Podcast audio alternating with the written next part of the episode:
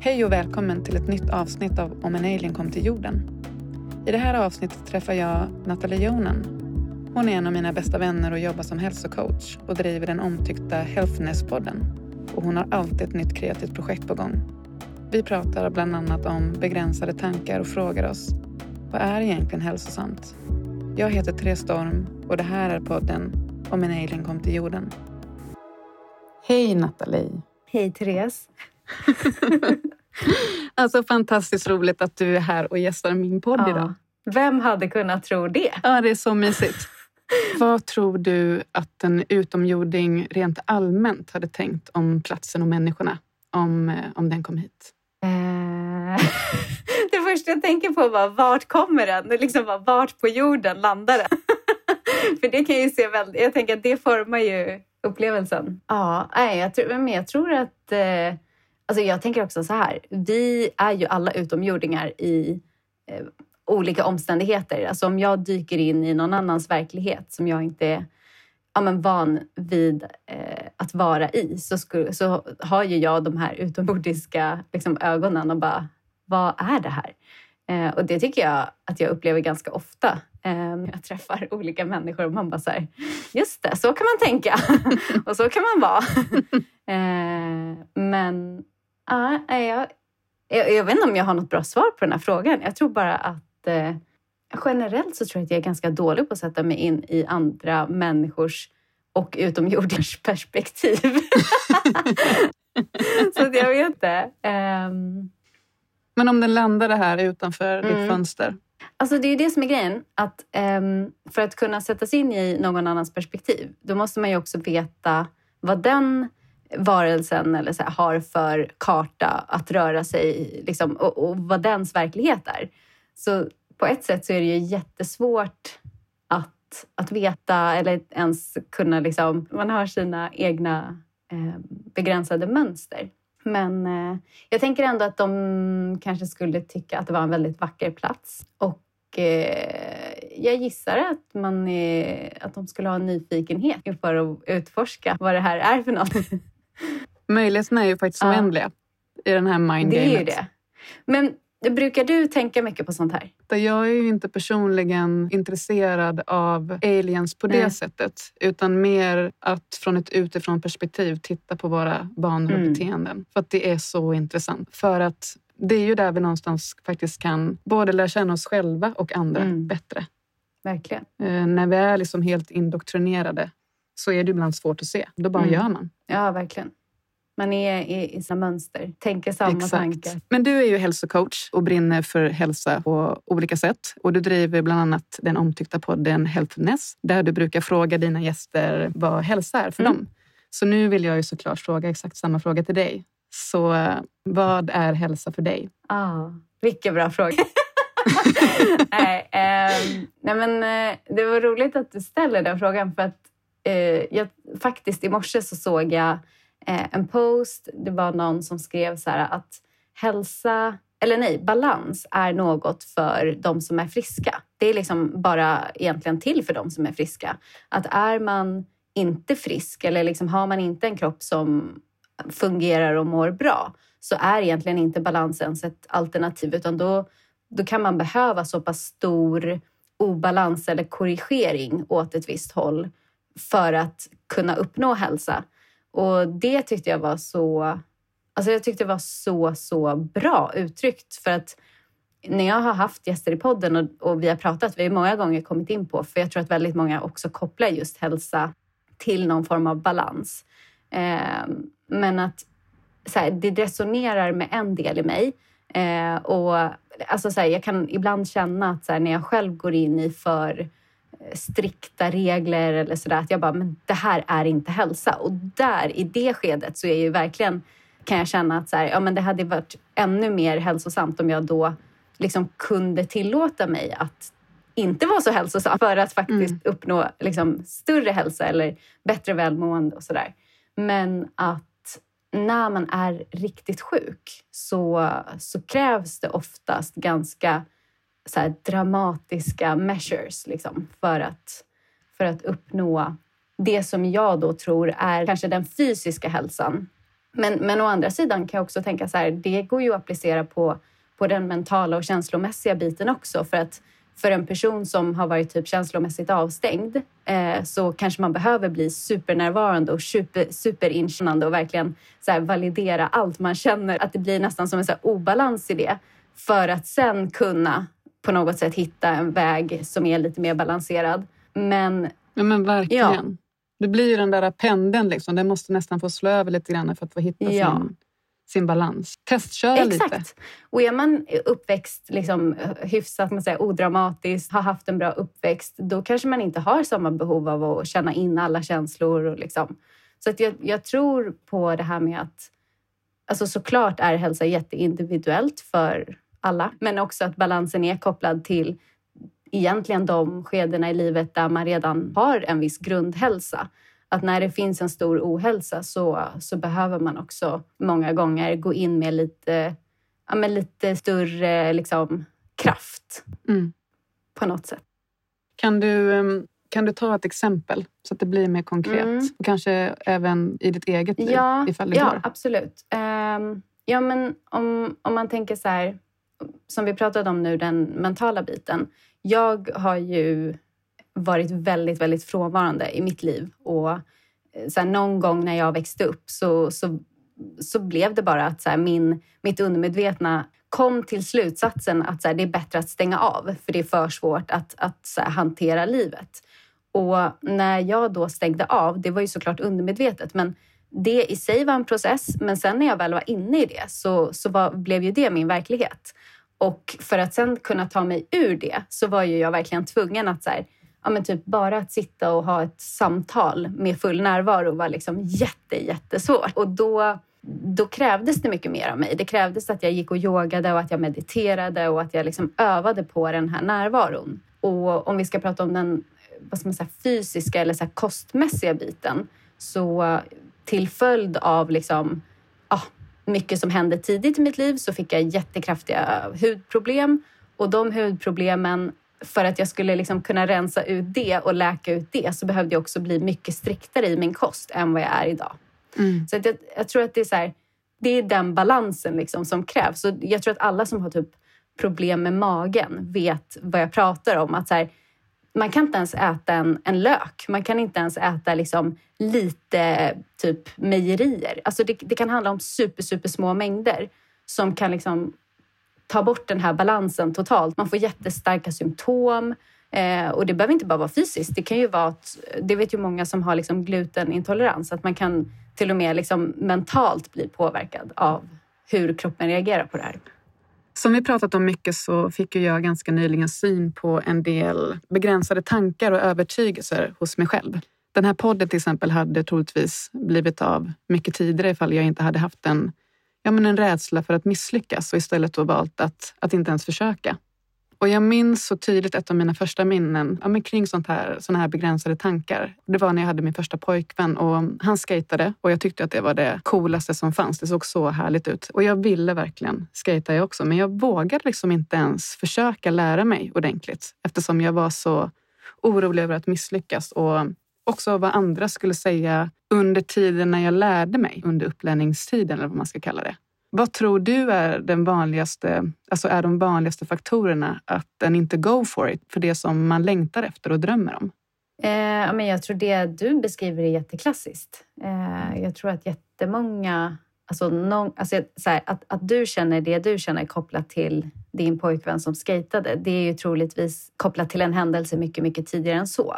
Eh, så att eh, förmodligen var du väl någon gång när du var liten eh, ja, men kanske så hade en upplevelse av att du försökte någonting men fick en negativ feedback på att du ens försökte. Eller liksom. Och det, det satte så pass djupa spår att du gick till den här kollapsen att här, inte ens försöka. Liksom. Det känns ju som, som en av de eller så här, det är väldigt vanligt tror jag att man går dit, att, det, att man blir passiv istället. Och det, alltså det, det kan ju sitta i så mycket saker. Alltså det kan ju sitta i allt ifrån vilka jobb vi försöker söka till relationer. Alltså, förtjänar jag ens någon bättre eller ska jag bara vara kvar med den här personen? Så, att, eh, så att det, det, jag tror att det är en sån väldigt klassisk eh, begränsande tanke som genomsyrar så många olika delar av våra liv.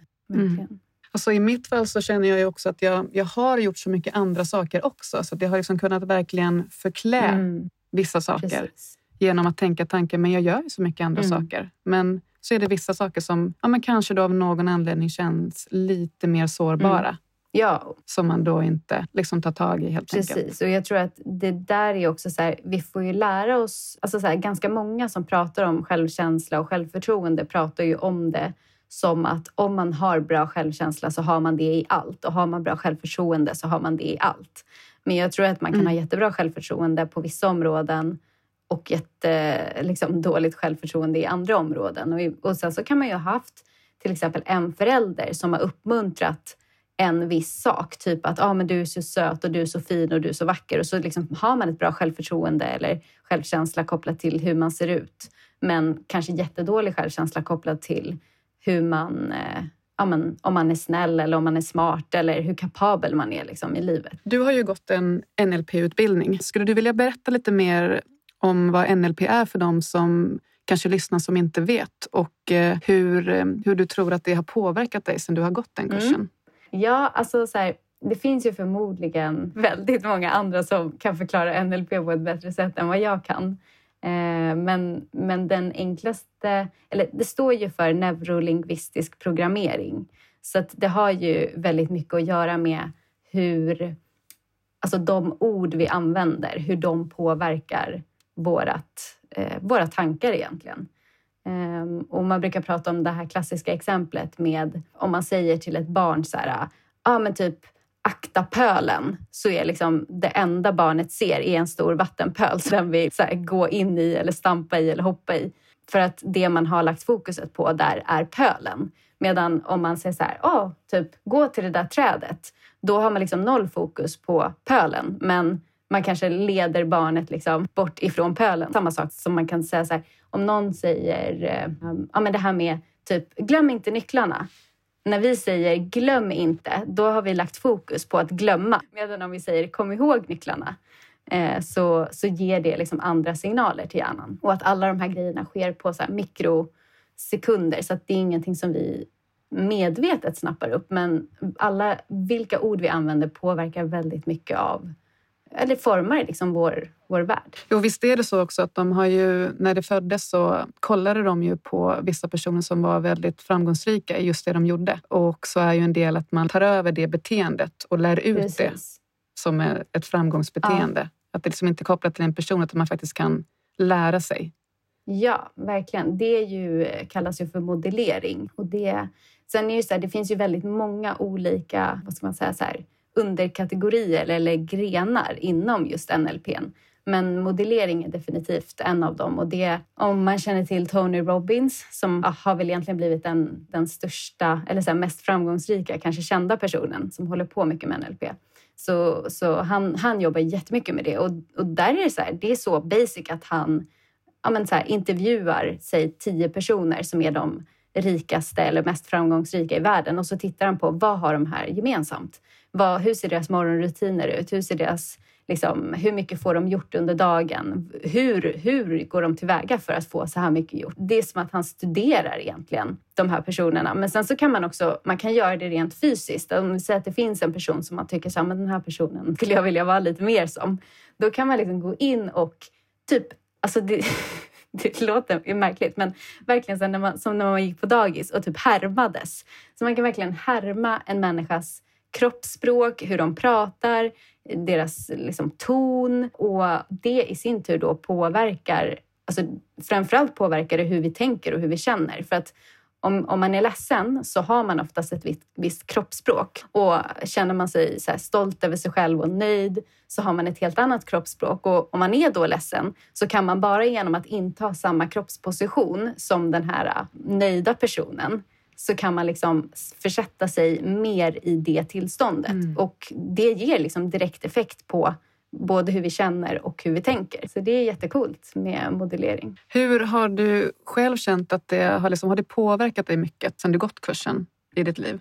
Ja, men det har det verkligen. Det var ju så himla länge sedan nu. Det var ju typ, alltså det är nog strax över tio år sedan. Tiden går fort. ja, men jag var ju också väldigt, jag var ju yngst på den kursen när jag gick den. Så att det var ju, alltså så här, jag tror att hade jag gått den idag så hade jag förmodligen fått ut väldigt mycket mer för att så här, hjärnan är utvecklad på ett annat sätt och jag har liksom mer grundkunskap. Men det som var så fantastiskt med att gå när jag var så ung och ändå så kunde så pass lite var att den formade mig så mycket.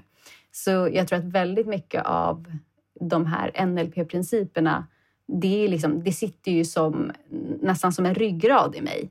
Eh, så när jag jobbar med människor eller typ om jag kommer i kontakt med någon som mår väldigt dåligt, då blir det som att här, man ser precis vilka mönster den personen har och då blir det också mycket lättare att så här, ja, men pinpointa och liksom korrigera det. Så det är jätteanvändbart för mig när jag jobbar med klienter. Verkligen. Hur tror du att en utomjording hade sett på NLP? Alltså jag tror ju att de hade förmodligen varit så kunniga och smarta så att de hade ju de hade nog eh, gillat det.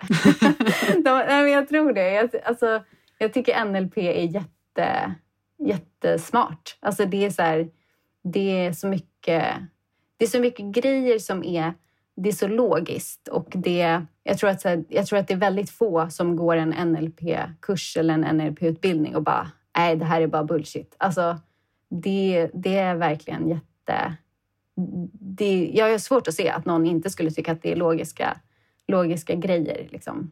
Så att, eh, ja som sagt, återigen där, utomjordingen. Jag vet ju inte var den kommer ifrån och hur den, hur den relaterar till, till sin verklighet. Men jag tror ändå att de skulle gilla det. Vad är det som gör att du har ett så stort intresse för hälsa? Hur, eh, varifrån kommer det här intresset tror du? Det är en väldigt bra fråga och jag tror faktiskt inte att jag vet det ens själv.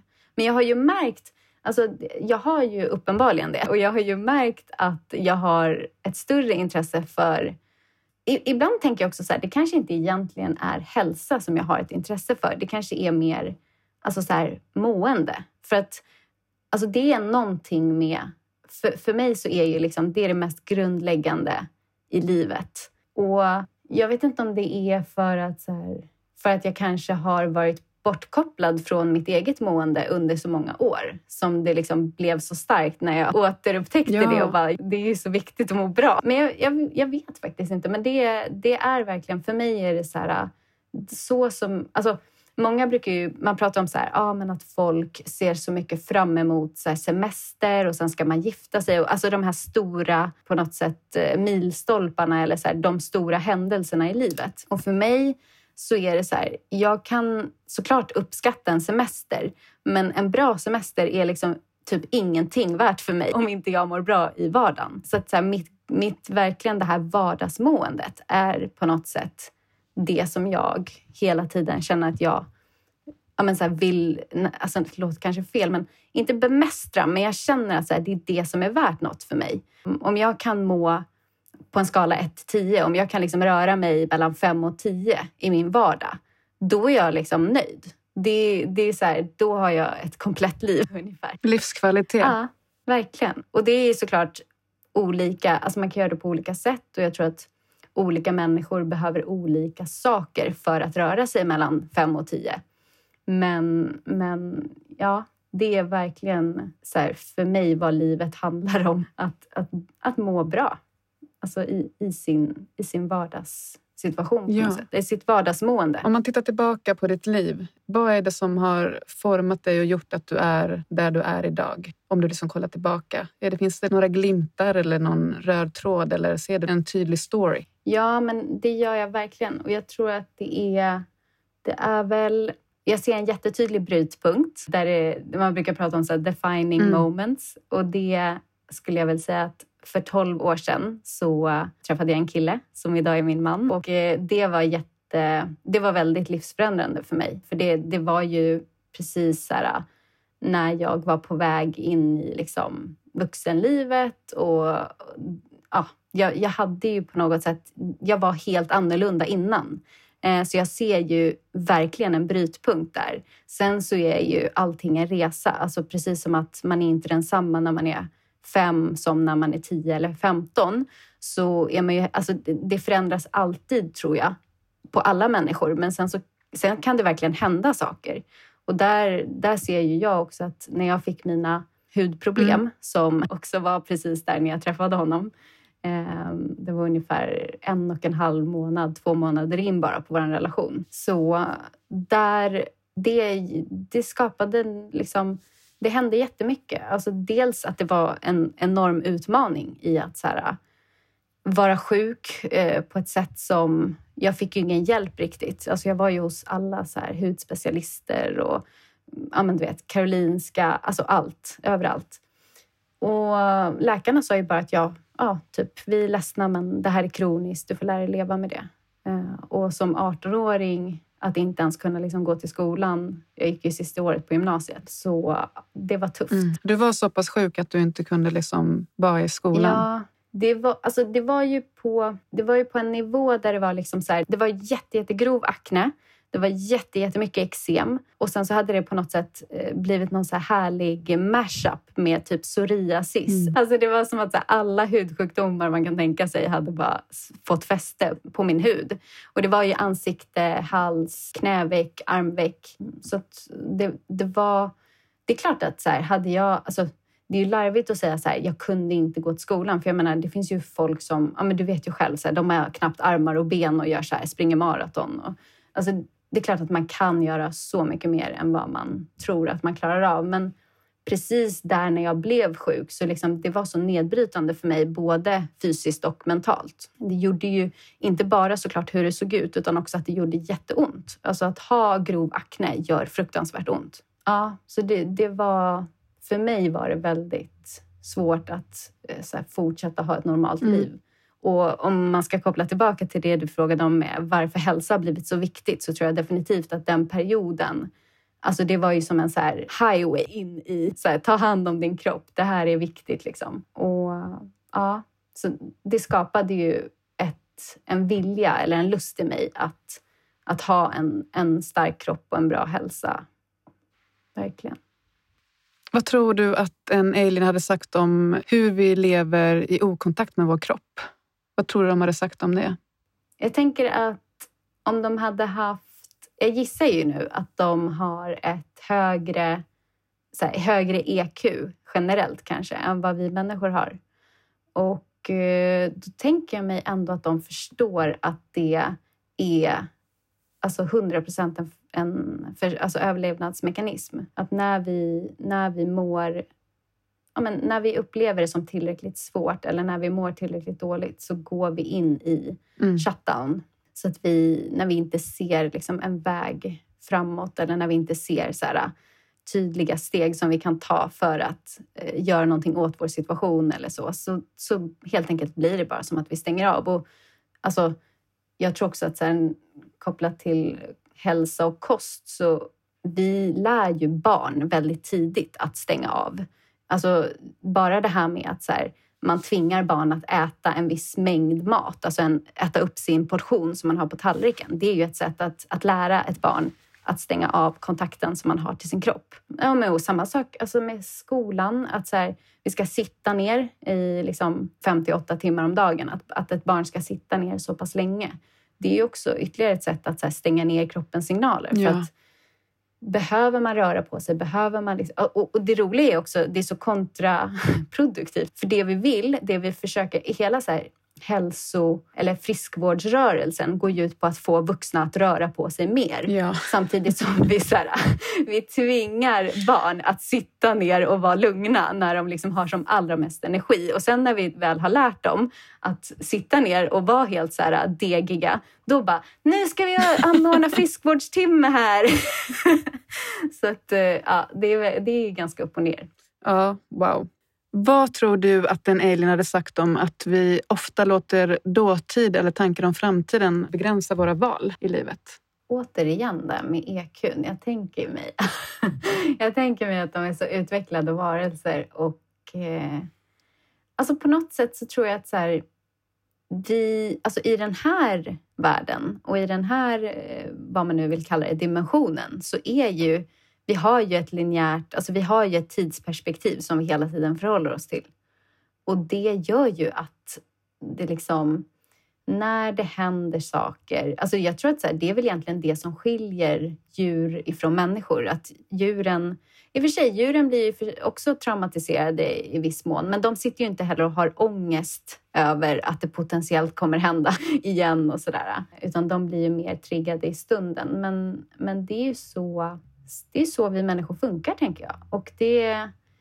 Alltså, till viss del kan jag ju se att det är tack vare den mekanismen som vi har överlevt. För att jag menar om vi inte skulle... Ja, men så här, vi säger ett barn som lägger handen på plattan. Alltså, om vi skulle bara ja. göra det om och om igen så skulle vi ju heller inte kunna utvecklas. Så att även om det såklart håller många människor tillbaka så är det ju också hela, hela grundprincipen till varför vi ja, men så här, lyckas överleva som, som art. Uh, eller jag, jag, tror i alla fall att det är så, men det är klart att det kanske finns en liksom, eh, 2.0-människa som är helt befriad från det och som bara så här, uh, kan sortera liksom, vilka grejer man inte ska göra om igen och vad som bara är så här, upp på hästen, kom igen. eh och det är, alltså på, på sätt och vis tycker jag att vi har ju sådana människor, alltså sådana exempel. Det finns ju jättemånga personer som är så här, de kan ha liksom tio misslyckade företag i bagaget och det hindrar inte dem en sekund för att testa igen. Och sen så blir liksom den där elfte världens största succé. Och eh, det är en fantastisk förmåga att kunna funka så. Finns det någonting, finns det någonting som du längtar efter som, eh, som du inte har gjort eller som du inte har utforskat än? Ja, verkligen. Eh, och det kanske kommer att låta jättemärkligt, men jag längtar verkligen efter ett tryggt och stabilt eh, hem. Det, det, är, det är verkligen det jag längtar efter mest. Och det är så intressant med tanke på så här, ah, vi har ju pratat en del om så här, ja, livet och barndomen. Och, alltså det är ju, som jag ser det, mitt största typ barndomstrauma är att jag alltså, aldrig har känt mig riktigt rotad. Eh, och det är en sån här grej som, som jag verkligen vill... Ja, men det, det är det jag vill ha i mitt vuxna liv. Någon gång. Det behöver inte vara just nu, men någon gång vill jag ha så här, ett hem där det är, så här, det är mitt och det är tryggt och det är... Men det är så här, man kan bara du vet, bygga bo. Mm. Det... Vad är det som gör att du inte känner så där du bor idag? Ja, det är en jättebra fråga.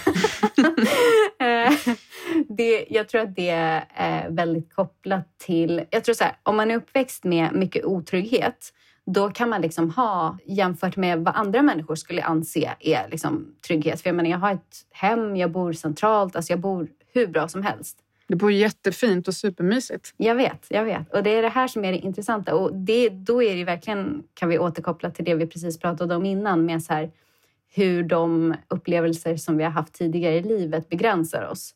För så som jag lever idag vet jag är tillräckligt tryggt för liksom de flesta människor. Men någonting gör att så här, för mig så räcker inte det.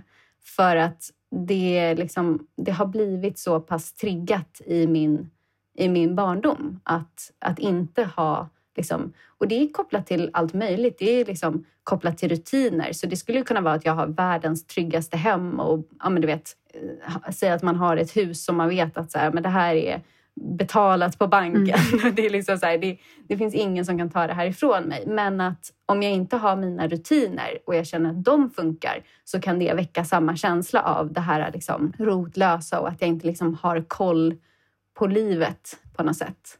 Så Eh, men det är såklart, alltså det, du vet ju hur det är. Alltså, terapi, terapi, terapi. Verkligen. Finns det något kreativt som du längtar efter som du känner att du liksom inte har dykt in i än? För du är ju verkligen en av de mest kreativa människor jag känner. Mm, tack.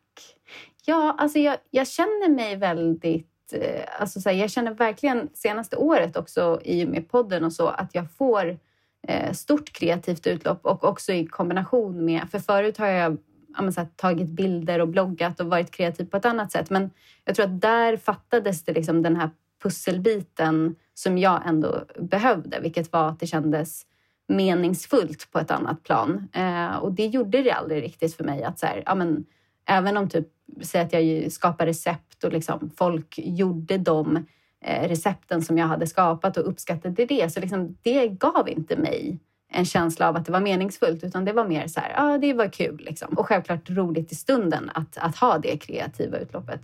Men, men med podden och så, så känner jag verkligen att det, det fyller det spacet. Men om man ska tänka att det kanske finns någonting mer så är det väl i så fall någon form av rörligt material. Eh, för det känns som att det är typ det enda som jag inte har ändå testat på än. Spännande. Mm, ja, så Youtube, here I come!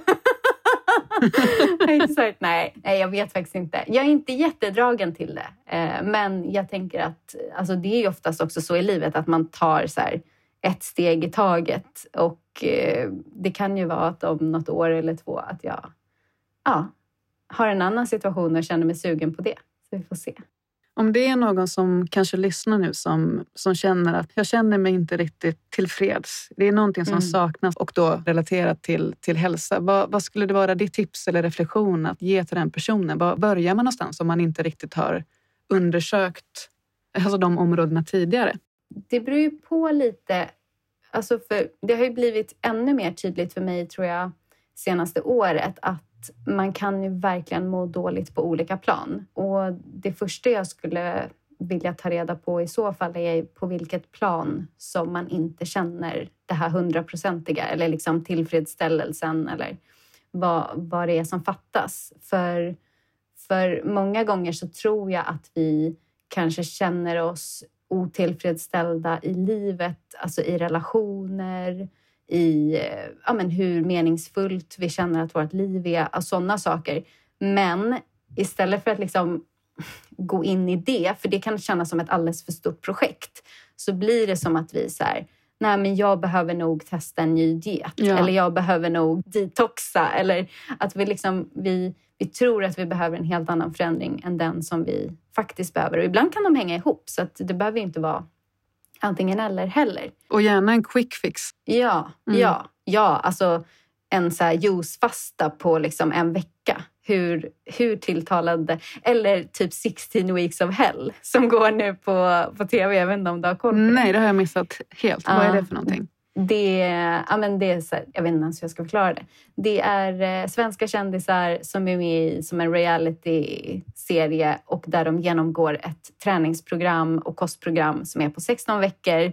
Och det är liksom stenhård träning och superstrikt kost. Jag blir så stressad bara av att höra konceptet. Jag vet, men eh, Alltså förstår du att jag, och du vet ju ändå hur pass, alltså inom citationstecken, holistisk jag är. Ja. men jag blir ändå sugen på att kolla. Och det tycker jag ändå säger något om alltså, människor, eller kanske säger mer om mig än människor, jag vet inte. men, men jag tänker ändå att så här, det finns någonting med... Jag tror att det är också så här, nyfikenhet. Alltså vi blir så här, wow, hur, vad kan hända på 16 Ja, men alltså, verkligen. Eh, man blir ju... Och, och, jag tror att det är tilltalande med de här extrema liksom, grejerna. Mm. Det är inte kul att titta på någon som liksom går i terapi i tre år. Som gör små alltså, steg varje dag. Nej, jättetråkigt! Men 16 weeks of hell, det är roligt att kolla på. Gå och poppa popcornen så sätter vi oss med en gång. ja, exakt. Ja, nej, så jag tror att, eh, jag tror att det, är, det, är, det är viktigt att ta reda på på var, vart det där skavet sitter mm. helt enkelt. Och jag tror att eh, väldigt många gånger, alltså oftare, så sitter det i de större frågorna eller större liksom, eh, vad ska man säga, perspektiven. Alltså det är så här, en person som går och längtar efter magrutor har väldigt sällan en längtan efter magrutor. Det handlar oftast om något helt annat. Mm. Um, men det är ju väldigt mycket lättare, eller det kan kännas mycket lättare att skaffa magrutor än att till exempel läka relationen till sin pappa ja. eller vad det nu kan vara. Verkligen. Alltså vi, vi båda två är ju ett stort fan av terapi. Som redan fram tidigare ja. när du sa terapi, terapi, terapi. Exakt. Eh, och det är klart att den terapin som man går just nu, det är ju den som som man känner är alltså wow, det här är transformerande. That's the shit. eh, men, men ändå, liksom, om man ska försöka ta ett litet eh, ovanifrån perspektiv Om du tittar på Ja. alla olika typer av liksom, men både terapi och, och kurser och andra verktyg. Vad har liksom varit det som har gjort den största inverkan på dig? Ah, vi har ju pratat om det här förut, har jag för mig. Mm. Och det, alltså, jag men, jag vet, du kanske vet vart jag är på väg. För det är ju verkligen så här... Jag tror att det finns någonting i att så här, varje gång man har ett breakthrough så tror man att så här, nu är alla mina problem lösta. Alltså det, det är den här känslan av att så här, alltså jag har knäckt det. Jag Ja. har knäckt den här nöten. Eh, och, och det är ju, alltså jag tänker att det är så det ska vara. Det, alltså, hade vi vetat att liksom, när det känns som att du har löst 100% så har du bara löst 2 Ja. alltså, Då hade vi bara lagt oss ner och liksom, gett upp. Så, så det, vi får ju den känslan också av en anledning och den ska vara där. Och Jag tror också att det är därför det är så viktigt att så här, en terapeut som kanske hade varit jättebra för mig idag hade inte alls varit bra för mig för tio år sedan. Eller liksom, en terapeut som hade varit bra för dig idag kanske hade varit jättedålig för mig för jag är inte redo. Förstår du vad jag menar? Att liksom, vi, så att jag tror att det där är så himla mycket vart man befinner sig, personkemi, vilka liksom, eh, terapiformer man är mottaglig för. Eh, men jag skulle samtidigt säga att så här, går man hos en terapeut och går tre gånger och känner att det händer ingenting, då tror jag att man är på fel ställe. Det tror jag verkligen. Så, att, så att det ska ju hända saker. Liksom. Men om det är någon som lyssnar som har eh, en bild av terapi som är, nej men alltså Mm. det är ingenting för mig. Mm. Jag förstår inte grejen. Hur skulle du öppna upp? Eller hur, finns det någonting som du skulle vilja säga till den personen som kanske skulle göra den nyfiken? Alltså på sätt och vis så skulle jag faktiskt säga att det inte finns något eh, för mig att säga. För jag tror ju att så här, den här mognaden eller viljan att må bra, den kan bara komma inifrån. Och det, tycker, det är så... Alltså det är ganska klassiskt att så här, ja, men typ tjejen i relationen så här, skickar sin pojkvän eller sin man och bara du, nu måste du gå här och jobba på dig själv. Alltså, det funkar inte så. Det kommer aldrig funka. Och det är ju bara bortkastad tid för båda Och terapeuten. och terapeuten, fast ja, den personen förhoppningsvis får ju ekonomisk kompensation. annars annars eh, vet jag inte vad den gör. Men, men, men, eh, men jag tror verkligen på att så här, det måste komma inifrån. Sen om man känner att så här, jag har verkligen varit sugen på att eh, börja i terapi eller söka upp en terapeut i flera år nu, men det är någonting som hindrar mig. Då är det ju jättespännande att titta på vad, det, vad, vad som sitter i det motståndet. Vad, som liksom, eh, vad det handlar om. För att det vet jag, och det kan vara väldigt så här, kulturellt, att i vissa kulturer så har man det är liksom för... Alltså terapi är bara för mentalt sjuka personer eller folk som liksom mår... Ja, men det ska, det ska liksom till såna enorma grejer i livet för att man ska söka terapihjälp. Eh, Men det tror jag ändå att vi börjar gå ifrån ganska mycket. Sen, ja, det är såklart kulturellt. Liksom. Det, det är inte alla som... Och jag tror också att den lite äldre generationen har nog fortfarande det tänket. Absolut, mycket, mycket mer. Ja, jag tror det. Jag tänker så här, det är klart att viljan måste komma inifrån. Mm. Men finns det ändå någonting som man skulle kunna säga för att kanske få den att, att vidga sin vy kring vad begreppet terapi är? Jag tror så här. Jag tror att det förmodligen finns jättemycket som man kan både säga och göra och liksom för att inspirera till ja, men att folk ska liksom våga söka hjälp och våga så. Men jag känner ofta att så här, det bästa, den bästa, eh, vad ska man säga, alltså, lite kul, men så här, influencer, alltså ordet kommer ju från att man influerar. Och influerande är ju sällan att man står och typ preachar eller så här, står och berättar för folk vad de ska göra. Utan jag tror verkligen på att så här, när en person, och då pratar inte jag om en influencer, utan när en människa, bara en medmänniska, har alltså ett, ett visst typ av de, de lever på ett visst sätt, alltså de, de mår på ett visst sätt som, som gör att andra människor dras till det, som, andra, som gör att det blir nästan som att så här, man är ett ljus och andra människor ser det ljuset och blir dragna till det. Det tror jag är den absolut bästa övertalningen, eller vad man ska säga. För, för vi...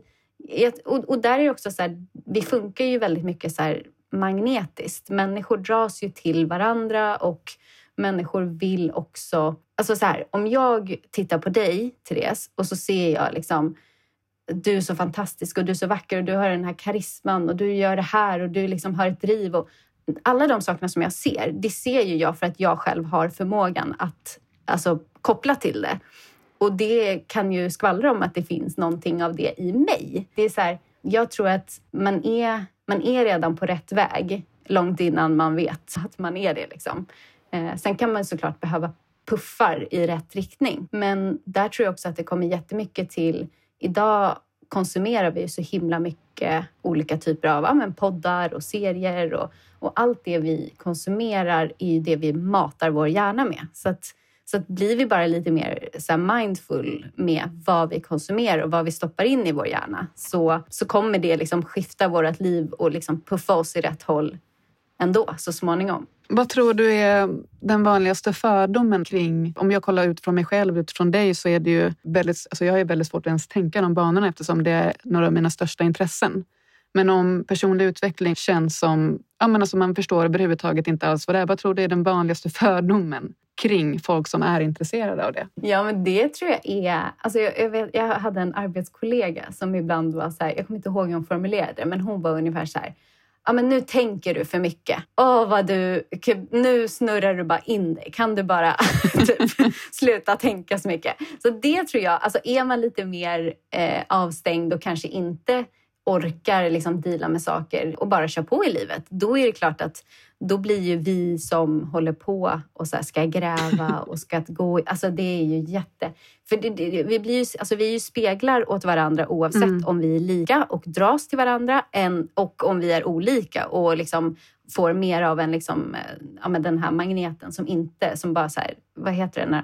Repel. Ja, repel, exakt. Ja, men så så att jag tror att, ja, det är klart att, och det tycker jag att man märker oavsett vad man gör för... Alltså jag vet att så här, jag hade några år där jag inte drack alkohol, alltså inte en droppe, inte överhuvudtaget. Jag kunde liksom inte ens skåla i alkohol av någon anledning. Så det var bara så här, det blev nästan som en, som en grej, fast det inte var en grej. Men, men det triggar ju jättemånga ja. människor för att normen i samhället är att dricka alkohol. Jag kan verkligen känna igen det. Jag har också haft flera perioder i mitt liv där jag liksom inte har druckit alkohol. Och det, det är otroligt ja. triggande. Alkohol, men även andra saker. Så fort man avviker ja. från normen så triggar det ju då alla som fortfarande befinner sig i normen. För då måste man ju på något sätt reflektera, inte bara köra på. Exakt, exakt. Och det är alltifrån så här att välja att inte skaffa barn, att inte dricka alkohol, att inte äta kött. Alltså, för så fort vi avviker från det normala så är det som att vi säger det är någonting här värt att reflektera över. Eller, och, och det är man helt inne i eh, det normala då, då kan det ju vara jätteprovocerande att någon kommer och... Alltså nu försöker jag bara förklara liksom den triggande tanken, för det är ju inte så att ett är rätt eller fel. Eller jag tror i Absolut. alla fall inte att det är ett som är rätt eller fel.